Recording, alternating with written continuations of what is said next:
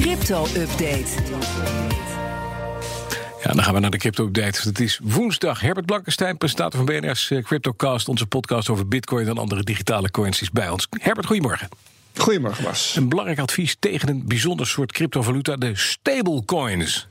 Ja, en dat advies komt van de Financial Stability Board. Dat is het Mhm. adviesorgaan van de Bank voor Internationale Betalingen. Dat wordt ook wel de centrale bank der centrale banken genoemd. Het advies is gericht aan de regeringen en de centrale banken van de G20-landen. En het luidt dat stablecoins aan strakke regels moeten worden gebonden... of zelfs moeten worden verboden. En zo'n advies van de FSB heeft normaal gesproken echt wel gewicht.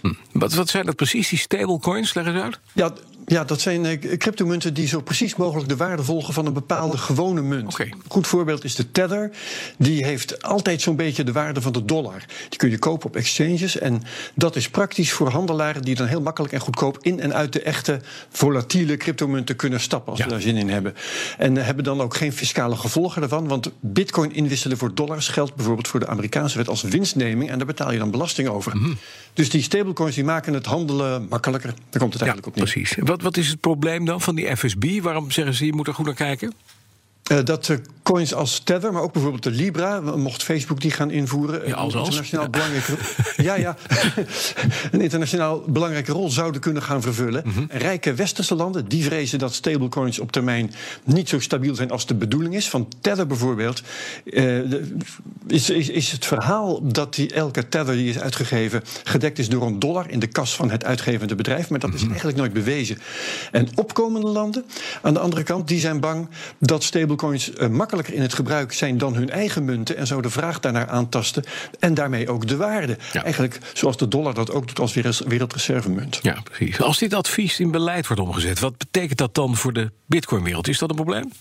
Ja, dat is zeker een probleem. Ja. Een stablecoin zou een licentie moeten vragen in elke G20, in elk G20-land. En dan moet je bijvoorbeeld de autoriteit informeren over alle transacties.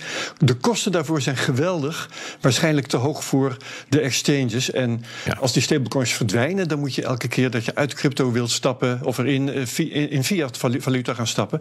En dat heeft ook weer administratieve gevolgen voor meer dan twee derde van het handelsvolume. Want zo eh, veel worden die tethers gebruikt, die stablecoins gebruikt. Ja. Of de banken moeten ze gaan uitgeven. En in beide gevallen wordt de cryptomarkt net zo inefficiënt als de bankenwereld. Ja, raakt dit nou ook de bitcoin? Die is niet gekoppeld aan de munt, hè? Eh, nee, maar zodra de bitcoin dezelfde functie zou krijgen als die stablecoins, bijvoorbeeld als die meer geaccepteerd wordt en stabieler wordt in prijs, Ja. eh, dan zou de bitcoin daar ook onder vallen en zou die nog verder gereguleerd worden of misschien wel worden verboden, althans in de G20. Maar eerst maar even zien of dit advies in beleid wordt omgezet Ja. en hoe dat beleid er dan precies uit gaat zien. Nog kort, de CryptoCast deze week. Wat gaan we doen? We gaan het ja, over een coin eh, die furoren, furoren maakt, namelijk de Tezos. Die werkt met smart contracts en heeft als bijzondere eigenschap dat je wiskundig kunt bewijzen dat een smart contract doet wat het moet doen.